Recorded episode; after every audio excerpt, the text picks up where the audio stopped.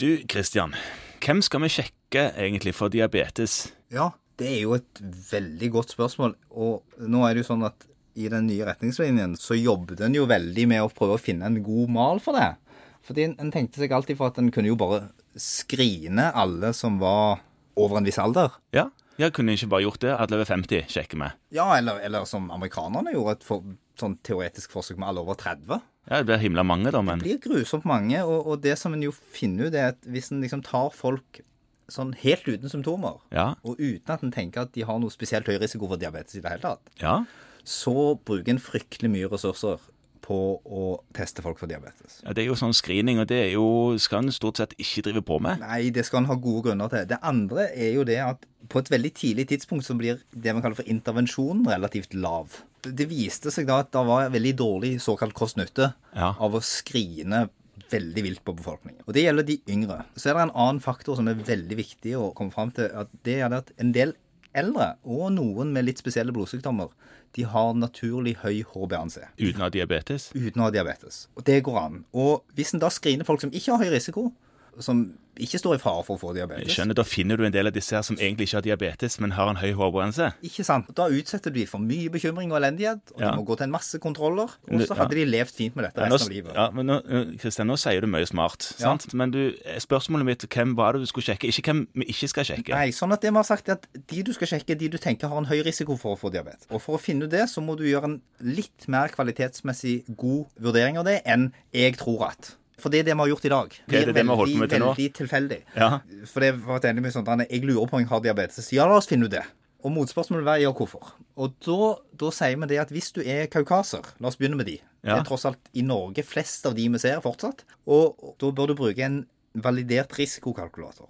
Ok, altså en d- godkjent, kvalitetsrikka risikokalkulator. Ok, Fins der, finnes der sånne kalkulatorer? De finnes det mange av, og vi anbefaler å bruke den som heter Findrisk. Og den ligger på Diabetesforbundet sine hjemmesider. Og det er egentlig en selvtest. Tar tre-fire minutter å fylle inn. Og det den spør om, er om du er mann eller kvinne, hvor gammel du er, om du spiser sunt, om du trener, om du har noen i familien som har diabetes, om du noen gang har hatt høyt blodsukker selv. Og Dette kan du jo sitte hjemme og finne ut sjøl. Det kan du sitte hjemme og finne ut sjøl. Du Aha. kan ta det med til legen din. eh, Eller legen kan følge det ut på kontoret. Og jeg tenker at Hvis det kom en og lurer på om han har diabetes, så er jo dette spørsmålet som er helt rimelig å spørre. Ja. ja ja visst er det det. Og, og da kan du bare spørre det systematisk, og så får du en score. Den scoren er over 15. Da har du høy risiko for å få diabetes. Hvor går denne skåren fra og til? Den går fra 0 til ca. 30.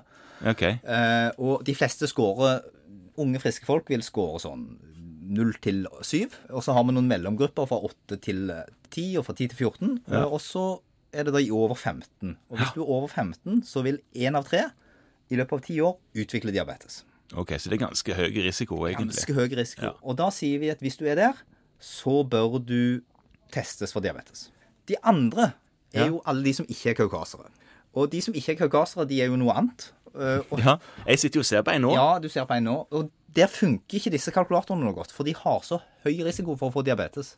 Ok, Ja, det er kjempefarlig å ikke være kaukaser. Sånn som du som ikke er kaukaser, du er bare sånn juksekaukaser, du. Ja. Innflytta. Innflytta kaukaser. Jeg pleier å si at jeg er normal, men det er en annen sak. Det er jo unormalt å være kaukaser. Det er få av de. Ja, i det er flest av verdens- deg i verden. Ja. i- Sånn at eh, Men asiatere, for å koke det ned til det da, Kristian. de har kjempehøy risiko. Kanskje fem-seks ganger så høy risiko som den hvite befolkningen. Så du burde egentlig bare sjekke deg, eller hvordan er det med det? Nei, fordi at det vi sier er at med mindre du tenker at det er helt usannsynlig at vedkommende har diabetes, så bør du sjekke. Så du skal ha lav terskel, men hvis du sitter og ser på en fyr som, som ser litt sånn avmagra ut, sånn som meg, og som trener ganske mye og som spiser ganske sunt, Det Høres ut som deg, begge deler. trenger du ikke gjøre det. Nei. Så der blir det faktisk opp til legen å gjøre en vurdering. Og når du da har kommet fram til at det er høy risiko, eller at du kommer fra et område i verden, f.eks. Asia, der Ja. det er mye diabetes, Ja.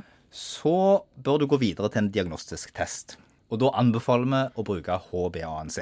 Og det er fordi at da trenger du jo ikke være fastende, og du trenger ikke styre med alle de tingene som er prøveteknisk. Det er ganske lett å ta HBANC. Mm. Og de fleste analyserer jo dette på kontoret sitt òg. Ja, og da er det det at hvis Ja, du hvordan skal er det ta med det? diagnose, så er det sånn at de fleste apparatene som vi har på kontoret, er kjempegode. Og du kan godt diagnostisere på dem, men da må du kvalitetssjekke dem hver dag. Det styrer til, ja. Ja, så de fleste gjør ikke det. Du bare sender prøven opp til lokalt laboratorium, Ja, Fyrst eller sykehuset eller et eller annet sånt. For de har et sånt apparat. som er kvalitetssikra. Ja. Det andre er jo det at de pasientene vi snakker om her, de har jo ikke kjempemye symptomer. Det er jo som du lurer på om kanskje muligens, i verste fall. Så om det går en dag å få svar på det der, det er ikke så viktig. Men, men du sender de prøvene av gårde. Men de prøvene du tar for å fylle pasientene som du har diagnosen på, de kan du ta lokalt på Ja. kontoret ditt? Ja. Fordi at da, om det er 0,1 feil i en eller annen retning, da det er ikke så viktig. Nei, jeg skjønner. Nei. Eh, Og så er det å si at når du først da har, har tenkt på om det kan være diabetes, og tatt denne prøven, så har man jo nå satt cutoff til, til 6,5 i HbA1c. Og hvis de ikke har symptomer, så må du da, for å være helt sikker, ha to prøver over 6,5. Så hvis du får én over 6,5, så bør du ta en til. Og hvor lang tid bør det gå med utlodi? Nei, noen dager. Greit. OK, da prøver jeg å oppsummere det her greiene her, da. Vi skal altså ikke drive med villscreening. Vi skal ikke her heller drive med villscreening. Vi skal Nei. ta prøve hos de som har en risiko som er over en eller annen verdi. Ja. Og den, det verktøyet vi kan bruke for å finne en sånn en risiko på, Mm. det er noe som heter Findrisk. For eksempel. For eksempel, det er Ja, flere, men Findrisk kan man bruke. Den finner man på Diabetesforumet sine eh, sider. Diabetesforbundet sine hjemmesider. ja. Mm. Forbundet, ja. Ok, takk. Mindiabetesrisiko.no. Gå inn der, så kan en sjekke sin egen risiko. Er en over 15, så skal en gjøre en sjekk Mm. med HBA1C på lokalt laboratorium med kvalitetssikra analyse. Og hvis det ikke er symptomer, to prøver over 6,5. Ja. Greit. Takk skal du ha.